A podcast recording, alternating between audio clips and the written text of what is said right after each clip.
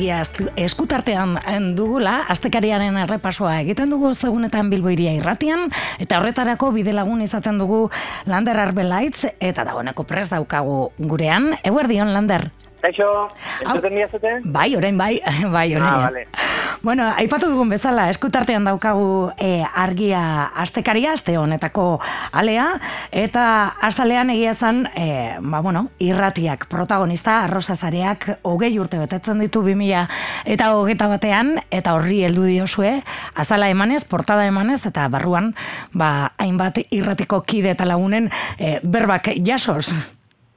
Bai, hori da. Ba, gure ustez, arroza zarea proiektua merezizuelako ondo e, portada bat, mhm. eta titularra jarri dugu irratien elkarlanaz ergintza uinetan, eta pixkat, ba, bueno, e, Santiago Canalesek hor dago el salto de Daviderako idatzituen reportajea euskeratu dugu, mm e, txukuna iruditu zitzaigulako, eta, bueno, ba, gure irakurlei ere, pues, ba, e, gogararazteko zer den arrotxa zarea, zuek ere parte zaretena, eta hemen arrazki batean dotore, dotore, ateatzen bai, bai, bai, gu ere agertzen gara, eta bai, gu ere egin, bai, egin genuelako e, berba, ez, e, hogei urteko ibilbide honetan, e, bueno, ba, parte hartu duten irrati askok eta askok hitz egiten dugu, eta, eta bai, bueno, agian igual kokatzeko, e, entzuleak agian jakingo du, baina, bueno, duela hogei urte, e, Euskal Herria zuzenean jaialdian, e, Euskal Herriko irrati libreak e, bilkura bat egin zuten,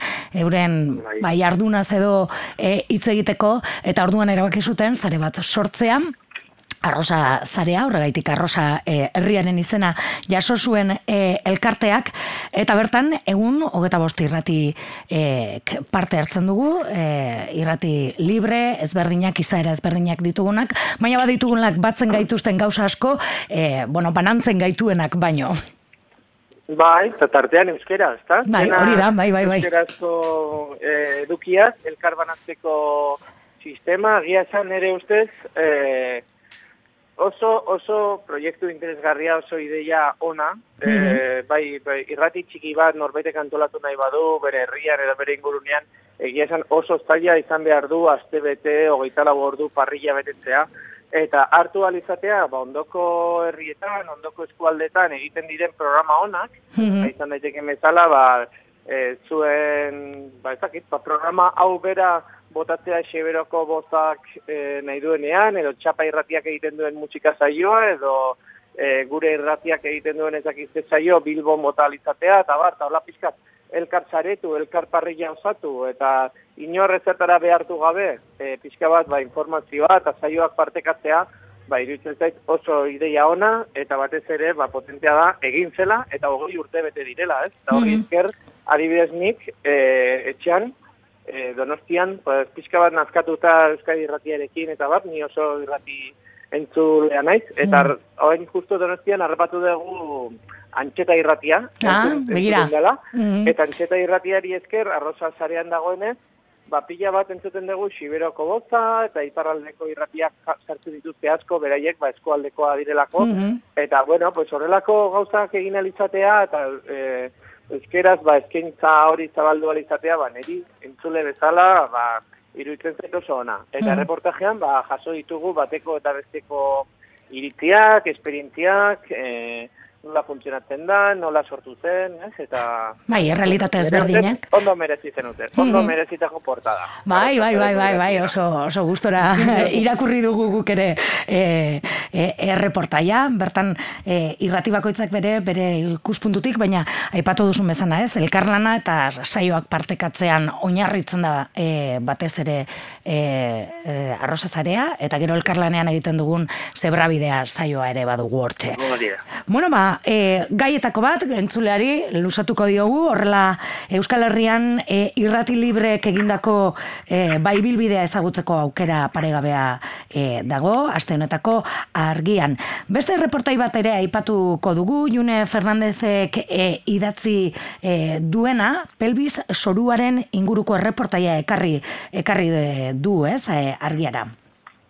Bai, hori da, indarkeria austetrikoaren ondorioak pelbi historioan, mm -hmm. ez nola bait, e, indarkeria austetrikoa agian entzuleak edo ez badaki zer den, dazken aldian indarra hartzen ari den kontzeptu bat, eta mhm. da, ba, ama batek e, aurra izaten duen momentuan, pairatzen duen, edo erditzeko momentu horretan, bai. pairatzen duen indarkeria, mm ba, batez ere, ba, igual bere baimeni gabe, edo bere hitzaren kontra egiten zaizkion operazioen arira, edo pixkat horrela, igual ez ez ondo azaldu, eh? Baina, bai, bai, ulertu, bai, azkenean, eh, ama hori edo orditzera doan emakume hori ez bada ondo ondo informatuta, zer nahi duen edo zer duen nahi, edo nola izan nahi duen, ba, medikuek edo momentuan erabaketzen dituzten erabaki, eh, gauzen inguruan, ez, deitzen zaio indarkeria horri, ez?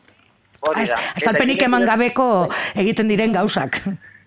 Bai, hori da. Eta junek idatzi du erreportajea, ba, adibidez, eh, gernu galerak edo vaginako lehortasuna mm. emakumen tan ba, normalizatuta dauden gaitzak direla, edo pelvis zoruko arazoen mm. eh, tan, ba, igual, eh, nitzer dakit, eh, kompresen iragarkietan, eta bar, bai. ai, emakumeak, ai, eh, eh, gernu iesa daukan, zuta ezakizte, eta horrelakoak, baina gutxitan jotzen dela, batskotan guzti horren oinarrian dagoela eh, erditze bat, eh, indarkeriaz beterikoa, igual incluso beharret ziren episotomiak edo beharret ziren mhm. operazioak egindakoak emakumei eta gero horrek ba biziosoan zer ondorioak dauzkala, ez? Eta e, bueno, pues nola bait ba gaia bisibilizatu beharra eta bueno, ba ez dakit indarkeria horri hitza jarri eta emakumeen artean ba ez direla e, norbanakoaren arazoa, baizik eta oso arazo kolektibizatu bat dela eta bueno, mm neri balio izan dit e, juneren reportajeak, ba, pizkat argazki orokorra, ba, zehatzago ikusteko. Mm -hmm. Oso interesgarria, aditu ezberdinekin hitz egin du, ez, e, seksologoak, fisioterapeutak, ez, azkenean e, badagoelako ere erreparaziorako, baina agian ba, medikuntzak ez du bide hori hartu, eta hori ere, ere exigitu e, beharreko kontua. Bueno, ba, e, zan, e, interesgarria ere, ba, bueno, e, gaia, ez, e, junek e, jorratutako e, gaia. Eta bestetik ere aipatuko dugu hirugarren bat, elkarrizketa kasu honetan, Jorge Naur e, di eginiko elkarrizketa aipatuko dugu, ez? Bai, hori da, Miguel Angel Elustondo karrapatu zuen, bajuntzelako gazteitera itzaldi bat ematera Ginea Bizauko beraien e, mankaniera hizkuntzari buruz, mhm. baina badirudi, ba, Jorge Naurre karrapatu zuela Emil Angel Elustondo sorpresan, batez ere ze ondo hitz egiten zuen euskeraz, mm Jorge Naurrek, e, Ginea bizautarra izan arren, mm -hmm. eta ba, elkarrizketa egin dio pizke bat, bere bizitzari buruz, ba, bueno, nola dan bere bere herria, nola, ba, bueno, irakasleak zitu lagurasoak, amala urte zituenean intzirela biak, e, lau beteko tartean, da orduan ba, Euskal Herriera etorri aurretik ba, Senegalen egon zela bizitzen, han ezagutu zula Euskal Herriko pertsona bat, maite mindu, ezkondu, onera etorri, iruran bizi dela, e, Euskaraz nola ikasi zuen, ea zaila, erresa egin zitzaion, mm eta batez ere, bueno, pues, e, berak izaten du, eta portadako titularrerako ere bai e, zaldi horiekin gemiltzan, ez, esaten du,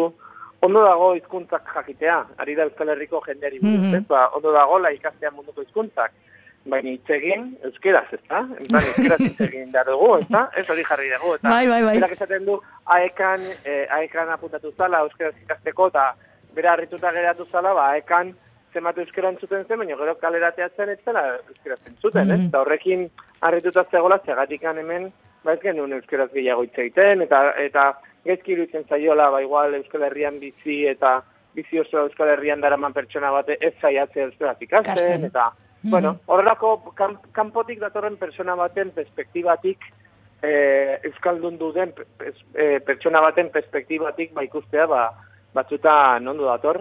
Eta ba Jorge Naurren hitzak hemen argian jaso dituguna. Ba hori da elkarrizketa, e, aste honetan ere topatuko duguna, beste kontu gehiago ere irakur daitezke astekarian, beraz argia puntu eusen e, badago irakurgai eta hortzi utziko dugu gonbitea entzuleari, ba aste hau daukala irakurtzeko bertan agertzen diren iritz artikulu erreportaia eta abar. Balande rementxe utziko dugu, eskerrik asko beste behin. Eskerrik asko zuei eta torren arte. Bai, agur.